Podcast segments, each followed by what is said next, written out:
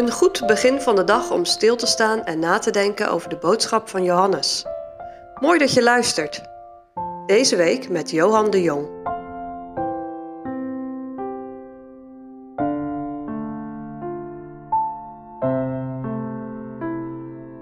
Deze week staan we stil bij een aantal gesprekken, zoals die voorkomen in de eerste hoofdstukken van het Evangelie naar Johannes.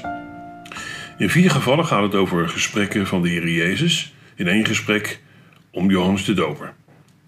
Vandaag gaat het over een gesprek van de Heer Jezus met de discipelen naar aanleiding van zijn gesprek met Samaritaanse vrouw. We lezen eerst het Bijbelgedeelte Johannes 4 van vers 28 tot en met 42.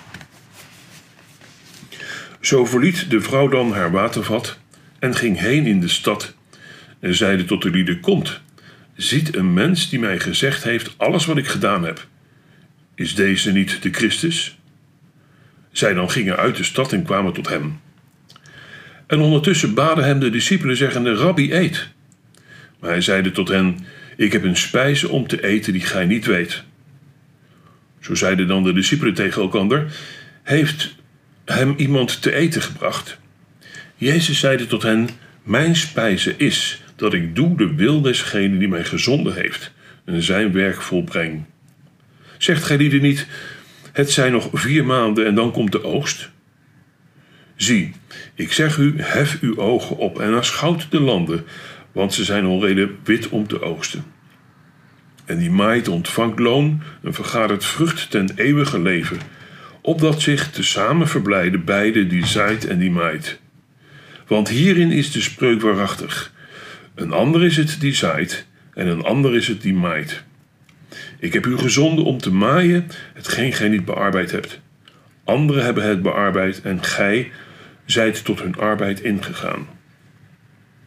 En vele van de Samaritanen uit de stad geloofden in hem om het woord der vrouw die getuigde: Hij heeft mij alles gezegd wat ik gedaan heb.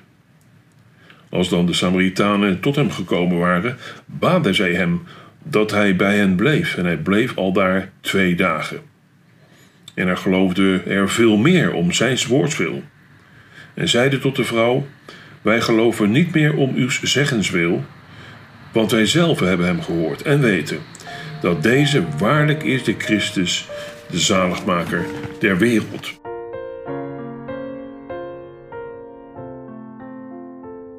De discipelen keren terug bij de Heer Jezus en verbazen zich over het feit dat hij met een vrouw sprak, een Samaritaanse nog wel.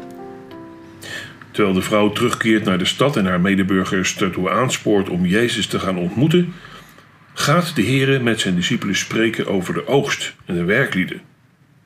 Je zou kunnen zeggen dat de Heer zijn discipelen voorbereidt op de komst straks van de inwoners van Sichem. De discipelen vragen de Heer om toch wat te eten van het voedsel dat zij in de stad gekocht hebben. Maar daarop antwoordt de Heer dat hij een spijze, voedsel, heeft waarvan zij niet weten. Verbaasd denken de discipelen dat iemand hem intussen eten gebracht heeft. Dit is hetzelfde soort misverstand als in het gesprek met de Samaritaanse vrouw. Ook zij dacht dat de Heer over natuurlijk water sprak wat hij kon geven. Evenzo denken de discipelen hier ook aan natuurlijk voedsel. De Heer gaat het uitleggen. Hij zegt dat het zijn spijze is om de wil van degene die hem gezonden heeft te doen en zijn werk tot het einde toe af te maken. Dat betekent dat het zijn lust en leven is om de wil van God de Vader te doen. En in de nu volgende versen dringt hij erbij de discipelen op aan om dat ook te doen. Hij doet dat met een beeld uit de landbouw van het zaaien en oogsten. En vergelijkt dat met het werk van evangelieverkondiging wereldwijd. En als hij zegt aanschouw de landen, want ze zijn al reden wit om te oogsten, vers 35, dan wijst hij waarschijnlijk op de inwoners van Sichem die al zichtbaar onderweg waren naar hen. De Heer werkt het uit en bindt in de volgende versen de discipelen op het hart om de opdracht van het verbreiden van het evangelie ter hand te nemen. Ze staan daarin in de lijn van de profeten die in het Oude Testament het evangelie als het ware gezaaid hebben. Denk aan Jezaja en Ezekiel. Maar denk ook aan Johannes de Doper in het Nieuwe Testament. Dat zegt kanttekening 39 ook. De discipelen mogen maaien wat eerder gezaaid is. En evengoed mogen zij zaaien en zullen anderen op Gods tijd dat maaien.